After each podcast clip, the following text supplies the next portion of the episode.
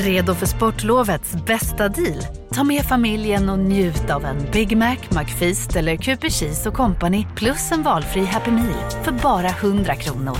Happy Sportlovs deal, bara på McDonalds. Hej, Synoptik här.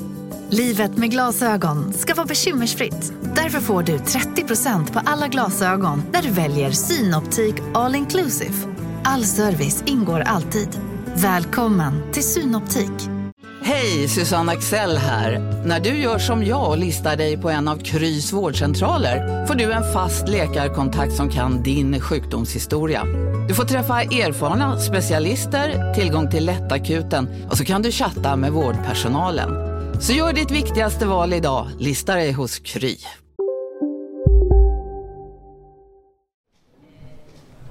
Säkerhetssalen, Södertörns tingsrätt, december 2021.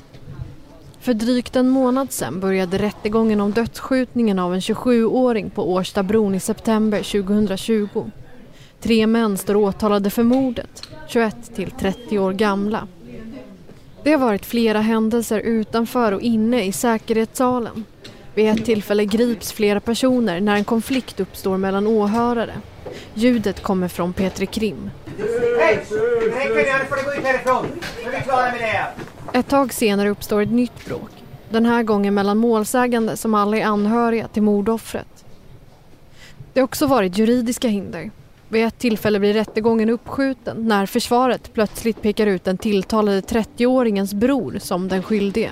Ur mitt åklagarperspektiv så gör mig mer eller mindre gällande att det är en annan misstänkt för det här brottet. Så att jag har ju alla anledningar att driva en objektiv förundersökning här så att det, det, vi kommer inte hålla någon förhör. Nu när rättegången börjar gå mot sitt slut tar den ännu en gång en vändning när det görs en ny upptäckt om utredningen. Ett fel i bevismaterialet som går att spåra tillbaka till en världskänd polismyndighet. Vi har fått det här materialet som ni känner till ifrån FBI. Och i slutet av rättegångsdagen händer något som leder till ännu en polisanmälan. Dessutom i veckans avsnitt av Säkerhetssalen. Vid Attunda tingsrätt avslutas en historisk rättegång mot Vårbynätverket och dess utpekade ledare. Människor har varit livrädda för under en lång tid. Men det är tack och lov stopp på det nu. Och i flera pågående fall blir krypterade chatttjänster återigen huvudperson. Med sina kollegors förtroende vilandes på sina axlar gör en advokat starka anklagelser mot landets åklagare. Man är inte alls intresserad av att få fram sanningen angående den här operationen. Du lyssnar på Säkerhetssalen. FBI's bevisblunder och krypterade kattbilder. Säkerhetssalen är en podcast som görs för dokumentärappen Nådio. Ladda ner den i App Store eller Google Play. Jag heter Lova Nyqvist Sköld.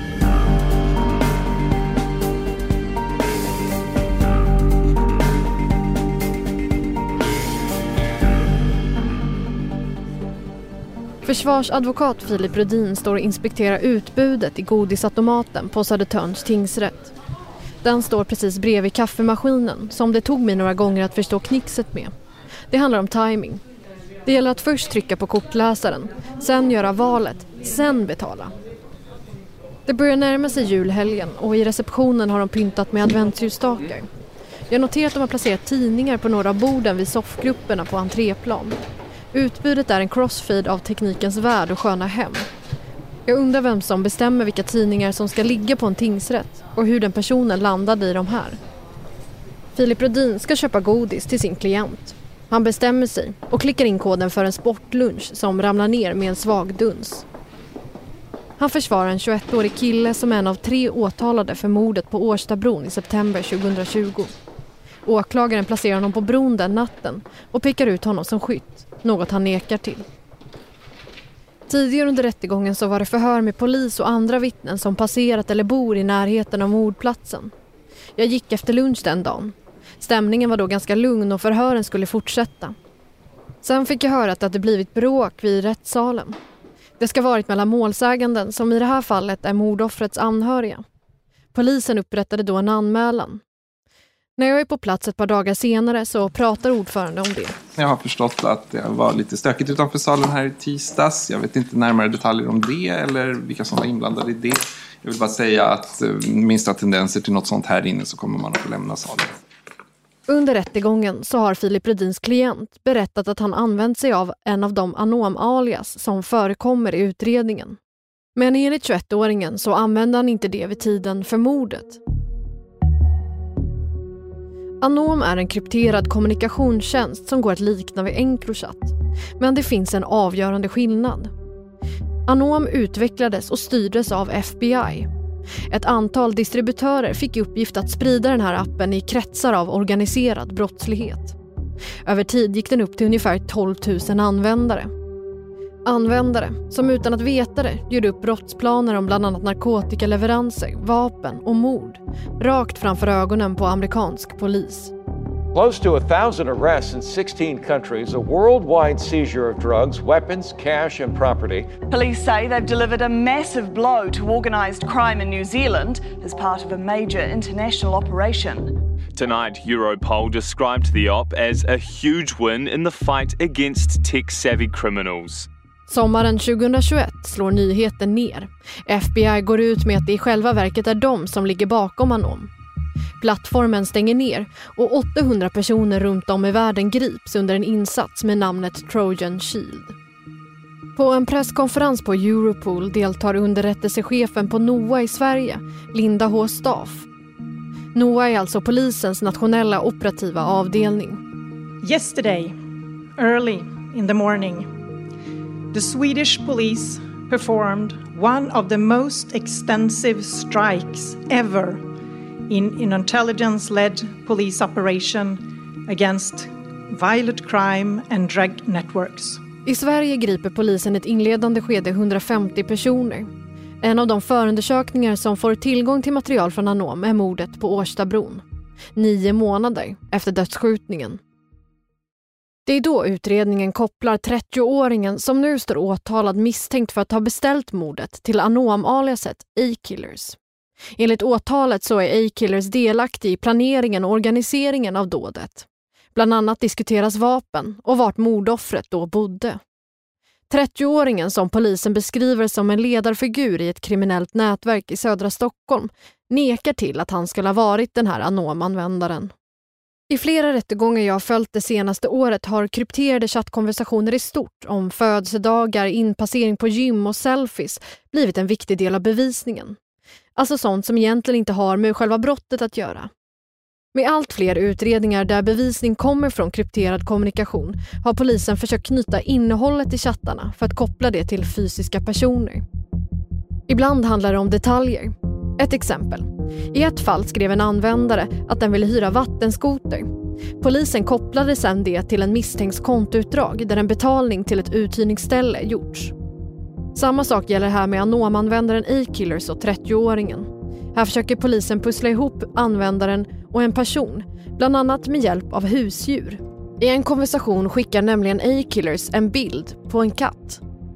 Så här berättar en polis i förhör under rättegången om när han får uppdraget att åka till 30-åringen för en husrannsakan i samband med gripandet. Och det var ju bland annat då att skulle fotografera lägenheten. Det var en eh, klätterställning till eh, katterna som fanns i ett sovrum. Som var av vikt. Det var även katterna skulle fotograferas.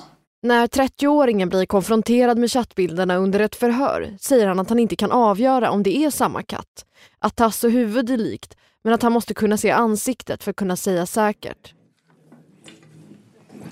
Det har funnits en omfattande kritik från försvararhåll kring användningen av avlyssnade chatter som bevisning i olika mål, vilket jag tidigare har berättat om här i podden.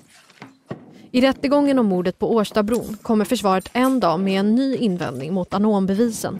Det gäller meddelanden skickade av användaren E-Killers, alltså personen med kattbilderna. Och det som vi uppmärksammat, vilket Robin Söder redan har varit inne på lite, det är eh, att det finns tidsskillnader i, eh, i tid mellan tilläggsprotokoll 5 och tilläggsprotokoll 15. Så vi tänkte Eh, exemplifiera det här med ett antal, eh, ett antal exempel från respektive protokoll. Eh, och det har genomgående, vad vi har kunnat hitta, varit samma tidsdifferens. Det har varit tre timmar som skiljer sig. Det visar sig att det i ett protokoll står en specifik tid för när ett meddelande ska ha skickats. Men i ett annat protokoll står en annan tid för exakt samma meddelande. Vill åklagarna kommentera något? Åklagare Lisa dos Santos. Eh, nej, men vi tar med oss frågan om de här tre timmarna. Så det kommer vi komma med ett svar på längre fram. Gör så. Ja. Det här är inte något som utredningsgruppen har märkt tidigare. Det ska visa sig att den som begått ett avgörande misstag är självaste FBI när de delat med sig av bevisuppgifterna till svensk polis. Men det verkar ingen i rättssalen veta om. Än.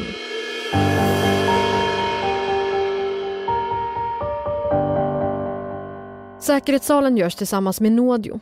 Det är en reklamfri app för verkliga berättelser. Så om du vill höra massor exklusiva dokumentärer, skaffa Nådio.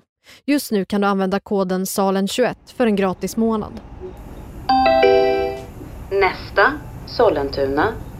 Under jord i Sollentuna på Attunda tingsrätt utspelar sig en smått historisk scen. Den långa rättegången mot Vårbynätverket i hovrätten börjar nå sitt slut. I omkring 40 rättegångsdagar har den ägt rum i högsäkerhetssalarna här. Och det blir också slutet på en av de största gängmålen i Sverige. Den näst sista veckan handlar om ett mordförsök som lades till i juni förra året när rättegången mot nätverket redan pågick i tingsrätten. Till en början är det inte särskilt mycket folk på plats. När jag kommer hit så kan jag se via tv-skärmar att det är ett par åhörare i den andra salen därifrån allmänheten får följa rättegången. Den här salen där de tilltalade sitter är åhörarplatserna till för polis och media. Det är jag, polisutredaren Torsten Alm och så en kollega till honom. I övrigt är det rätt tomt. Torsten Alm har varit här från och till under rättegången så vid det här laget har vi stött på varandra en hel del. Det här mordförsöket som avhandlas mot slutet handlar om en skjutning mot en bostad i Alby. Enligt åklagaren har en av de boende där haft en konflikt med Vårbynätverket och var den tänkta måltavlan. Åklagaren spelar upp en film från en övervakningskamera i svartvitt. Det går att höra fågelkvitter och ett öde bostadsområde. En moppe eller motorcykel med en förare och en passagerare kommer åkandes och svänger av till höger. Det blir tyst och sen hörs flera skott. De två personerna kör sen iväg. Ingen i bostaden träffades av skotten. Polisens forensiker bedömer att kalibern kommer från automatvapen som kan överensstämma med en Kalashnikov. Efter ett tag tittar jag till igen på skärmarna som visar den andra rättssalen. Nu sitter en hel grupp med människor där. Personer som vinkar till kameran, formar hjärtan, håller upp båda händerna. En av de tilltalade vinkar tillbaka vid tillfälle när de ska bryta mot lunch och föras ut ur rättssalen. Senare vinkar de från andra salen mot kameran igen. Till slut säger rättens ordförande till. Får jag be åhörarna i sal 1 att eh, sitta stilla där på läktaren. Så, tack. Ja, varsågod och fortsätt. Jag frågar polisen Torsten Alm om det efteråt. Jag tror de försökte få kontakt med honom helt enkelt. I och med att i den här rättegången så sitter jag åhörare i en annan sal och sitter i samma sal och ser inte de tilltalade live. Och det har ju varit ganska, ganska lugnt under, under förhandlingen. Ja, det, det är ju faktiskt det och sen så nu när man sitter, de tilltalade sitter i en sal och åhörarna sitter i en annan sal, då blir det lugnare oftast. Då, det är, som anhörig måste det ju vara väldigt svårt att se sina släktingar eller man, fru sitta och vara tilltalad.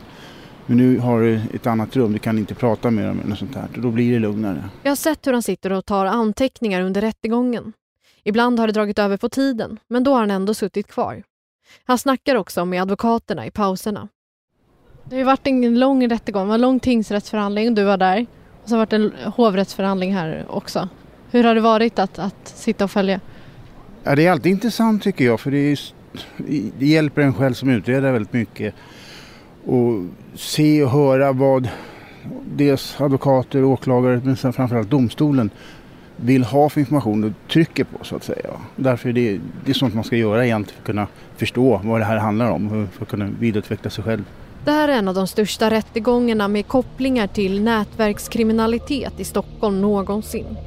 I tingsrätten dömdes 26 av 30 tilltalade personer. Totalt blev det 147 fängelseår. Det var bland annat för mordförsök, grova narkotika och vapenbrott, människorov och penningtvättsbrott. Nätverkets 33-åriga utpekade ledare som knutits till Encrochat-namnet Mujahed dömdes till 17 år och 10 månaders fängelse.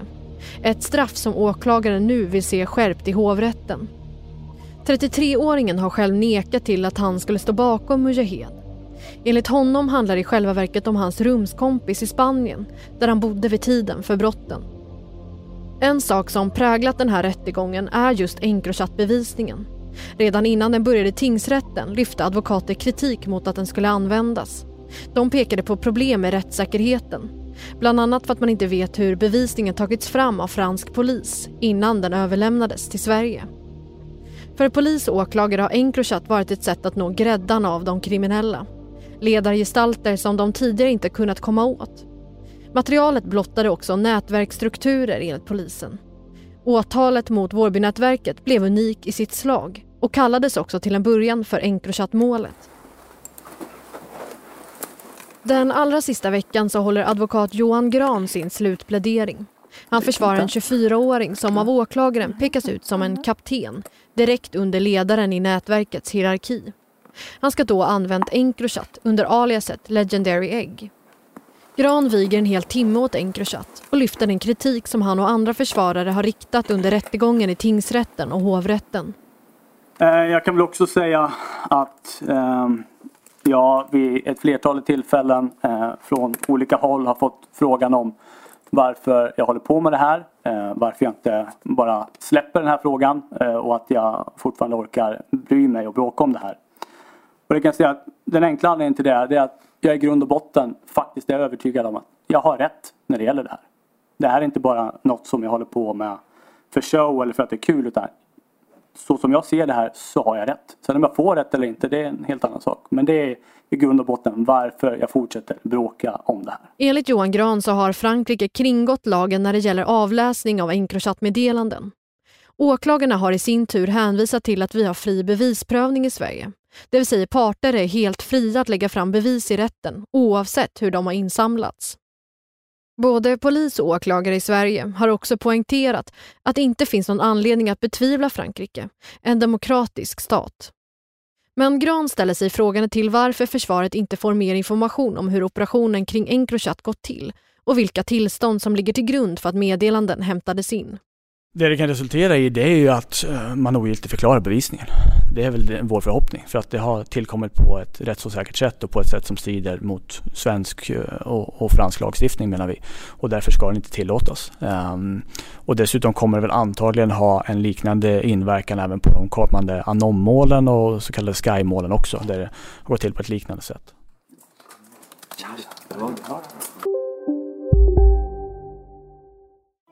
Hej Sverige! Apoteket finns här för dig och alla du tycker om. Nu hittar du extra bra pris på massor av produkter hos oss. Allt för att du ska må bra. Välkommen till oss på Apoteket. Big Mac har miljarder fans över hela världen. Under mer än 50 år har den skapat popkulturell historia. En legend med 100% nötkött och den mytomspunna såsen. Nu finns Big Mac för bara 39 kronor på McDonalds. Hörni, gänget. Vad är vårt motto? Allt är inte som du tror. Nej, allt är inte alltid som du tror. Nu täcker vårt nät 99,3 procent av Sveriges befolkning baserat på röstteckning och folkbokföringsadress. Ta reda på mer på 3.se eller i din 3-butik. Den allra sista rättegångsdagen så sitter bara två tilltalade i salen. På ena sidan Vårbynätverkets utpekade ledare. På andra sidan hans bror, som åklagaren kallar ledarens högra hand. Det är jag och en annan journalist och så polisutredarna. Inga andra åhörare i salen bredvid. Någon hamrar någonstans i byggnaden så det hörs in i salen. Utöver det är det rätt stillsamt. De sista åtalspunkterna handlar om ett synnerligen grovt vapenbrott. Den 33-åriga ledaren har dömts för att ha förvarat 19 vapen i ett källarförråd och hans bror för att ha hanterat förvaringen. Bredvid nätverkets utpekade ledare sitter Filip Rudin. Han är vid den här tiden alltså försvarare i två parallella rättegångar i två olika säkerhetssalar. Frågan är väl, eh, kan man inneha vapen eh, i Sverige om man är bosatt i Spanien?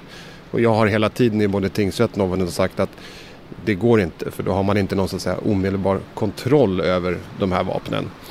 Eh, tingsrätten prövade inte den invändningen. Jag har försökt att... Totalt har det handlat om tiotals åtalspunkter under det här målet och nu är det inne i allra sista slutspurten. Och eh, känns det att det är sista dagen? Ja, jag vet inte. Jo, det är en eh, lång dags färd mot natt, vad ska man säga. Eh, man är så inne i det så, så att, eh, och sen är det liksom på, på nästa grej efter det här. Men, men eh, visst ska det bli lite skönt att, komma till, eh, till ett avslut, absolut. I slutet av dagen ska åklagare Anna Stråth ge sitt sista slutanförande i en rättsprocess som i tingsrätt och hovrätt har pågått under åtta månader. Det är nu hon ska ge en sammanfattning av vad åklagarsidan ser är bevisat mot nätverket och påföljden för dess ledare. Jag tror inte heller det finns något annat rättsfall någonsin i Sverige där man har prövat någon för så många så allvarliga brott i en och samma rättegång. Vi har bland annat ett mycket välplanerat mordförsök i en allvarlig gängkonflikt. Vi har sprängning mot en näringsidkare.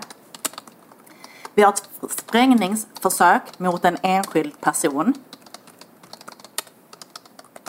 Vi har förberedelse av en sprängning mot en person som enligt barnkonventionen vid tillfället var att beteckna som barn. Vi har två synnerligen grova vapenbrott. Vi har ett synnerligen grovt narkotikabrott. Vi har människorov, försök till grov utpressning, grovt penningtvättsbrott. Och det här är bara under loppet av ungefär två månader. Människor har varit livrädda för under en lång tid. Men det är tack och lov stopp på det nu. Och då är den enda påföljden som är lämplig, tillräcklig för det är fängelse på livstid. Filip Lodin säger att det i själva verket har dragits felaktiga slutsatser i tingsrättens dom och att hans klient, om han inte frias, ska få ett lägre straff. Skulle man fälla för alla brott enligt alla rubriceringar som tingsrätten dömde honom för och dessutom såsom försvårande omständighet ge honom ett år ytterligare på grund av deltagande i organiserad brottslighet. Då skulle jag säga att då hamnar man någonstans på 13 till 14 år. Jag ser hur Anna Stråth ibland sneglar på sin åklagarkollega Ida Arnell. Ibland skakar hon på huvudet. I det här målet, alldeles oavsett om det är fråga om allvarlig brottslighet, organiserad brottslighet, så finns det inte en enda utredd allvarlig personskada i målet. Brottsligheten som åklagaren säger skett inom ramen för ett par månader. Det vill säga tidsomfattningen på, på gärningarna det ska ju inte heller påverka straffvärdet.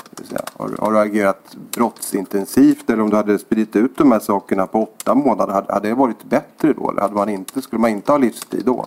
Efter alla slutanföranden är klara tar ordförande ordet.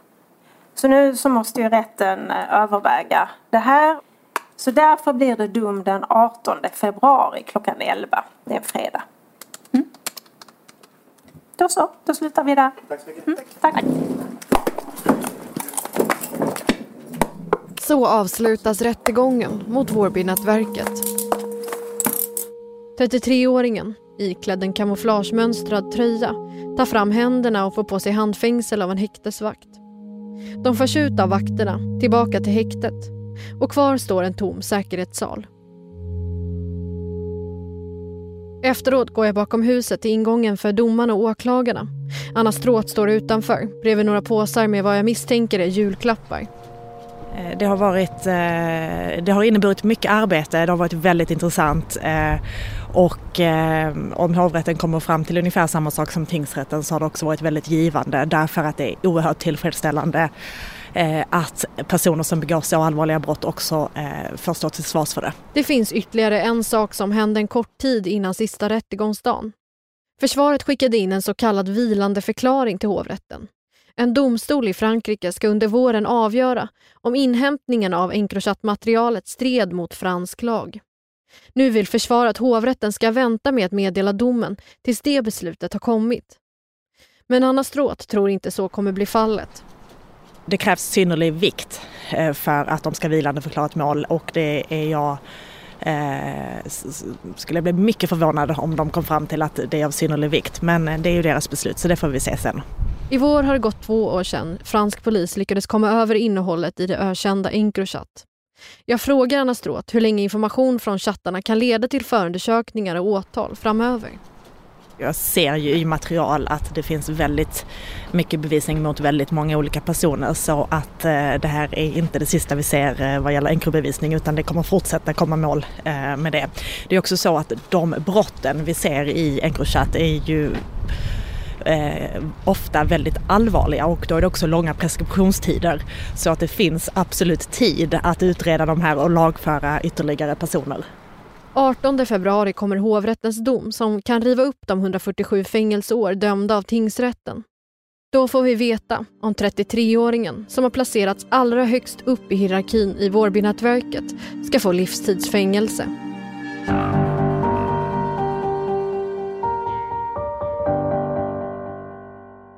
Tillbaka till säkerhetssalen på Södertörns tingsrätt och mordet på Årstabron.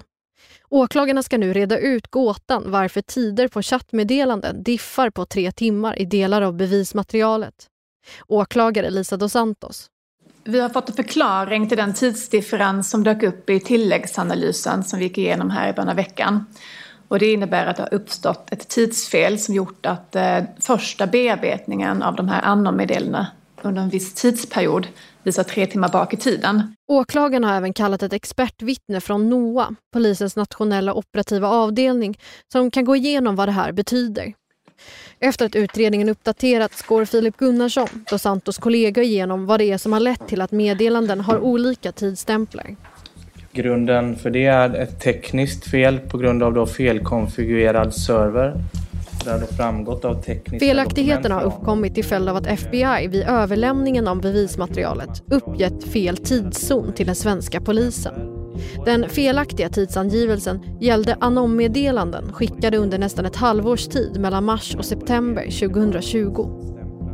När svensk polis fick materialet så matade de in chattarna efter den tidszon FBI angav. Problemet var bara att den tidszonen inte stämde. Det skilde i själva verket tre timmar. Polisen i Sverige fick material från FBI i juni i år och först i slutet av september så korrigerades chattarna så att alla tider stämde överens.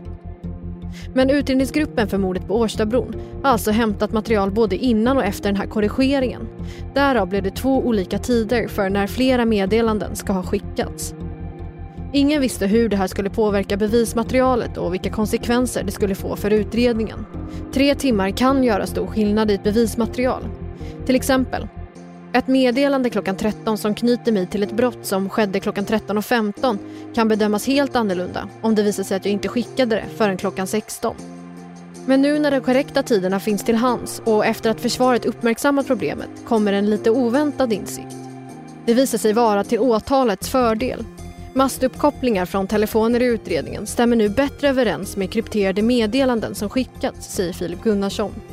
Tidigare har exakt den här diffen påpekats av försvaret i samband med att de pekade ut den åtalade 30-åringens broder som mannen bakom chattarna. Då menade de att krypterade meddelanden placerade Anom-användaren i Göteborg medan den åtalades telefon befann sig i Norrköping, vilket vore omöjligt. Men nu med en tre timmars förskjutning är läget ett helt annat. Så kan man nu se då att A-Killers skriver att han är i Gbg nu och då är klockan 16.41 nu med korrekt tidsangivelse. Och det menar vi då stämmer överens med eh, mastuppkoppling i Göteborg som då är 17.08. Patrik Sanders från NOA, polisens operativa avdelning som jobbar på Omega-enheten, vilka ansvarar för förundersökningar med kommunikation från krypterade plattformar som Encrochat och Anom, vittnar i rättssalen. Jag, Patrik Sanders, lovar och försäkrar på heder och samvete att jag ska säga hela sanningen och inget förtiga, tillägga eller förändra. Det finns andra utredningar med anonbevisning som har gått till åtal. Ett antal domar har också hunnit falla. Eh, det är klart att det inte är optimalt. Självklart hade vi velat undvika de felaktigheterna. Jag ringer upp Patrik Sanders efter hans förhör i rättssalen för att höra om FBIs miss kan ha letat sig in i andra utredningar och vad han tänker om att det blev så här. Jag har svårt att se att det skulle ha påverkat någon förundersökning för det har ju i, all, i uteslutande fall, skulle jag vilja påstå, så finns det ju alltid mer bevisning än de här chattarna. Och eh, jag vet med mig att man, man, eh, man är överlag försiktig när det gäller tidpunkter och även eh, positionering. Så det, då har varje åklagare och utredare till uppgift och ambition att kunna säkra upp de här tidpunkterna och geografiska positionerna med annan data.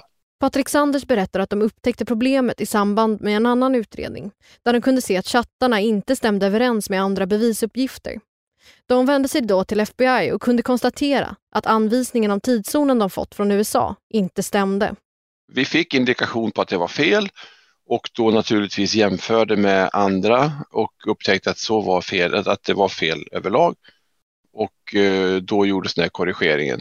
Eh, så det, jag vet inte i nuläget hur många förundersökningar som har påverkats av det. Den 30 september i år korrigerades alla de chattar som hade lagts in med fel tidskod. Men har man plockat ut material innan den 30 september 2021 eh, då har ju inte korrigeringen hunnit gått igenom och då finns det risk att man eh, sitter med felaktiga tidsstämplar på meddelanden. Men eh, det har ju vi gått ut med och meddelat alla förundersökningar om den här problematiken så att jag förutsätter att, att man är, är varse om detta. Finns det risk att det, att det andra rättegångar, att det händer samma sak som det hände i den, i den här rättegången? Eh, ja, men som vi var inne på tidigare, det är omöjligt att eliminera alla riskerna och garantera någon, någon sorts hundraprocentig, det, det, går ju inte. Men eh, varje gång det blir en sån här grej också så jobbar ju vi med att informera om det här har vi stött på, se till så att ni åtgärdar det och inte stöter på det igen. Eh, jag skulle säga att det, jag kan inte garantera att det inte finns någon risk, men jag skulle säga att eh, den risken är liten. Den är minimerad nu med tanke på att vi har eh, veckovis nationella möten när vi går igenom sådana här frågor och uppdaterar alla om det sista vad som gäller. Patrik Sander säger att så vitt han vet har det här inte påverkat någon specifik utredning. Han vill inte kommentera hur det kommer sig att informationen inte nådde utredningsgruppen för mordet på Årstabron med hänsyn till att det är en pågående rättsprocess. Han säger dock att det generellt är hög arbetsbelastning på såväl utredare som åklagare. Går det att garantera att svensk polis får rätt information när det är från andra länder, eh, som i det här fallet USA eller i Frankrike? Det finns ju inga möjligheter att lämna garantier på att, att materialet alltid är hundraprocentigt och inte innehåller några som helst felaktigheter. Eh, däremot som vi tittar nu på det senaste materialet som vi har med, med Anom så har ju våra möjligheter att vara med under live-fasen och ställa frågor och, och eh, framföra våra synpunkter har ju gjort förbättrat våra möjligheter ytterligare att få ett, eh, ett eh, felfritt material. Hur försvaret och åklagare ser på anombevisningen i fallet med Årstabron kommer troligtvis komma upp mot slutet av rättegången. Någon som vill ta upp något ytterligare? Sista förhandlingsdagen innan jul. Efter beskedet om anomchattarna hålls ytterligare ett förhör. Okej, okay, tack för idag. Innan vi bara går. Det går så snabbt så jag knappt hinner se.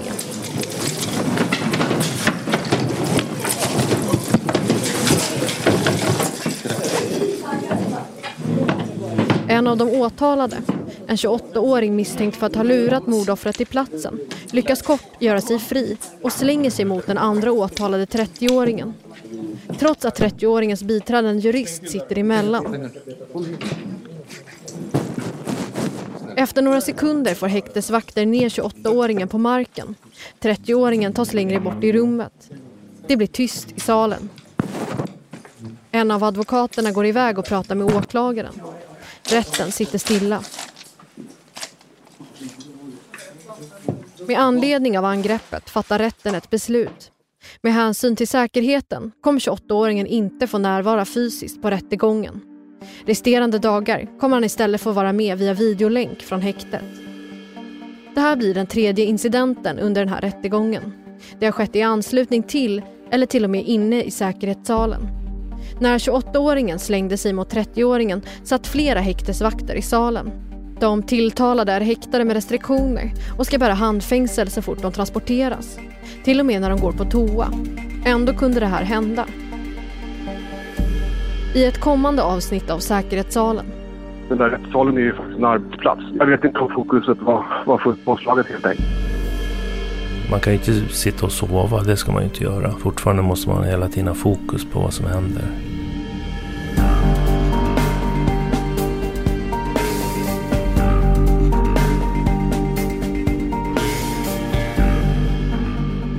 Hört ett avsnitt av Säkerhetssalen, en produktion för Nådio av tredje statsmakten Media. Vill du prata om det du hört här idag med andra lyssnare? Gå in på Facebook och följ Säkerhetssalen efter snack. Ljudtekniker för det här programmet är Fredrik Nilsson. Producent Anton Vretander. Ansvarig utgivare är Mark Malmström Fast. Jag heter Lova Nyqvist Sköld. Gillar du Säkerhetssalen så testa gärna appen Nådio. Just nu får du som lyssnar på Säkerhetssalen en månad gratis med koden SALEN21. Om du vill lämna tips, kontakta mig via mail på säkerhetssalen nådio.app.